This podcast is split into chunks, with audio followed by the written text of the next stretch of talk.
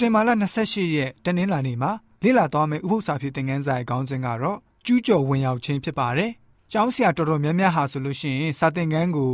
မျက်နှိုးကြပါတယ်။ကြော်ညာစာတွေချိတ်ဆွဲတာတင်ထောက်ကူပစ္စည်းတွေစုဆောင်းတာစာသင်ခန်းကိုဆိုလို့ရှိရင်လှလှပပဖြစ်အောင်ထားတာတွေကိုသဘောကျကြပါတယ်။ဖျားရှင်အရင်ဆုံးအသုံးပြုခဲ့တဲ့အေဒင်ဥယျာဉ်စာသင်ခန်းမှာအာဒန်နဲ့အေဝအတွက်တေချာတဲ့ပတ်ဝန်းကျင်တင်ယူစရာတွေကို ပြင်ဆင်ထားပေးတယ်ဆိုတာကိုမြင်တွေ့ရမှာဖြစ်ပါတယ်။ပတ်ဝန်းကျင်အလားအပတွေပန်းကလေးတွေမျိုးစုံငှက်ကလေးတွေမျိုးစုံ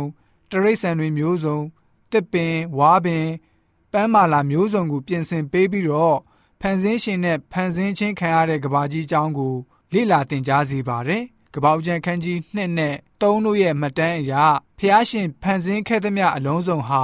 တင့်တယ်ကောင်းမွန်ခဲ့တယ်ဆိုတာကိုကျွန်တော်တို့တွေ့ရှိရပါတယ်။ ဖန်ဆင်းခဲ့သမျှတွေဟာကောင်းမြတ်ပြီးတော့ဖျားရှင်ရဲ့အကြံတော်အတိုင်းဖန်ဆင်းခဲ့ခြင်းဖြစ်ပါတယ်။သို့တော်လည်းပဲကပောက်ကျန်ခန်းကြီး၃ငယ်1မှာတော့ဖျားရှင်ဟာလူသားတွေကိုလွတ်လပ်စွာ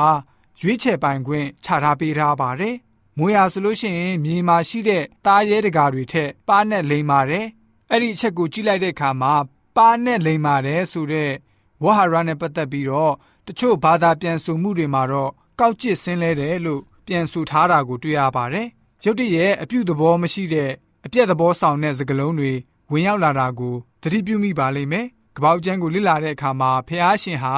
ကောက်ကျစ်ဆင်းလဲတာကိုလုံးဝဖန်ဆင်းခဲ့တာမဟုတ်ဘဲနဲ့အေဒင်ဥယျာဉ်တော်အတွင်းမှာရှိတဲ့ဇနီးမောင်နှံနှစ်ဦးကိုတာယာကြည်လင်အေးမြစွာနေရာချထားခဲ့ခြင်းဖြစ်ပါတယ်။ ကပောက်ကျန်ခန်းကြီးနှစ်ငယ်16ဆက်ခွန်ကဖျားရှင်အမိန့်တော်ကိုကျွန်တော်တို့သိရှိထားပြီးသားဖြစ်ပါတယ်။နားထောင်ခြင်းရှိဖို့ကိုသာဖျားရှင်ဟာဥပဒေချမှတ်ထားပြီးတော့ကောင်းမကောင်းတိကျွမ်းရာအပင်ရဲ့အသီးကိုမစားဖို့ကိုသာတားမြစ်ထားတာဖြစ်ပါတယ်။အာဒန်နဲ့အေဝါတို့ဟာဆိုလို့ရှိရင်လွတ်လွတ်လပ်လပ်တွေးခေါ်ရွေးချယ်ပိုင်ခွင့်အပြည့်အဝရှိတဲ့လူသားတွေအဖြစ်ဖျားရှင်ဟာဆိုလို့ရှိရင်ဖန်ဆင်းပေးခဲ့ထားခြင်းဖြစ်ပါတယ်။နားထောင်ခြင်းကိုရွေးချယ်နိုင်တယ်။ပြီးတော့ နားမထောင်ခြင်းကိုလည်းပဲရွေးချယ်နိုင်ပါတယ်။ဒီလိုနဲ့အစအဦးကလေးက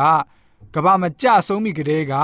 လူတွေရဲ့လွတ်လပ်စွာတွေးခေါ်ရွေးချယ်ခွင့်အစစ်အမှန်ရှိနေတာကိုတွေ့မြင်ရမှာဖြစ်ပါတယ်။ကပောက်ကျက်ခန်းကြီး3ငယ်1ကနေ6ကမွေပြောတဲ့စကားနဲ့အေးဝဟာဆိုလို့ရှိရင်ဘယ်လိုမျိုးပြန်တုတ်ပြန်ခဲ့တယ်လဲဆိုတာကိုကျွန်တော်တို့ကြည့်ကြပါစို့ မွေသည်ထာဝရအရှင်ဖျားသခင်ဖန်ဆင်းတော်မူသောမြေတရိษံတကာတို့ထက်လိမ္မာသည်ဖြစ်၍မိမအားတင်းတို့သည်ဥယျာဉ်၌ရှိသမျှသောအပင်တို့၏အသီးကိုမစားရဟုဧကန်စင်စစ်ဖျားသခင်မိန့်တော်မူသလိုဟုမေး၏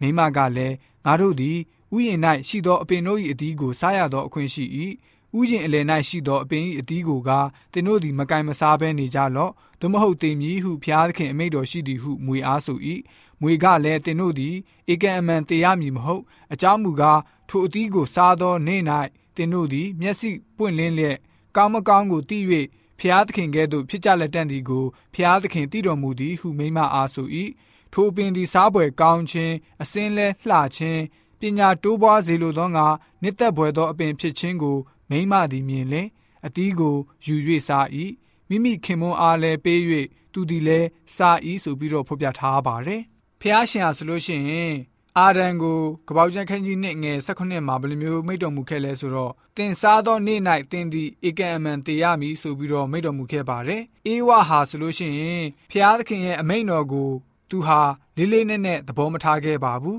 ဧကန်အမန်လို့ဖះရှင်မိမခဲ့တဲ့စကားတော်ကိုဆိုလို့ရှိရင်ခြံလက်ထားခဲ့ပါတယ်။ကပောက်ကျန်ခန်းကြီး3ငယ်4မှာဆိုလို့ရှိရင်မွေဟာဖះရှင်မိမခဲ့တဲ့စကားကိုအစကောက်ပြီးတော့အေဝါကိုစကားလာပြောပြီးတော့ အေဝါအနေနဲ့မိမိတင်ယူခဲ့ရတဲ့အရေးကြီးတဲ့သင်ခန်းစာကိုဆိုလို့ရှိရင်ပေါ့ပေါ့တန်တန်သဘောထားခဲ့ပါတယ်။သူ့ရဲ့နှုတ်ကထွက်လာတဲ့စကားတွေကိုကြည့်မယ်ဆိုလို့ရှိရင်တကယ်ပဲတိတာလုံးနေတာကိုတွေ့ရပါတယ်။ဒီတို့ကြောင့်လူသားတွေဟာဆိုလို့ရှိရင်ဖျားရဲ့စကားကိုနားမထောင်တဲ့အတွက်ကြောင့်အပြစ်သေးကိုကြောက်ရောက်သွားခဲ့ရပါတယ်။ဒီတို့ကြောင့်ကျွန်တော်တို့ယုံကြည်သူများအနေနဲ့ဖျားရှင်မိတ်တော်မူခြင်းတွေကိုကျွန်တော်တို့အနေနဲ့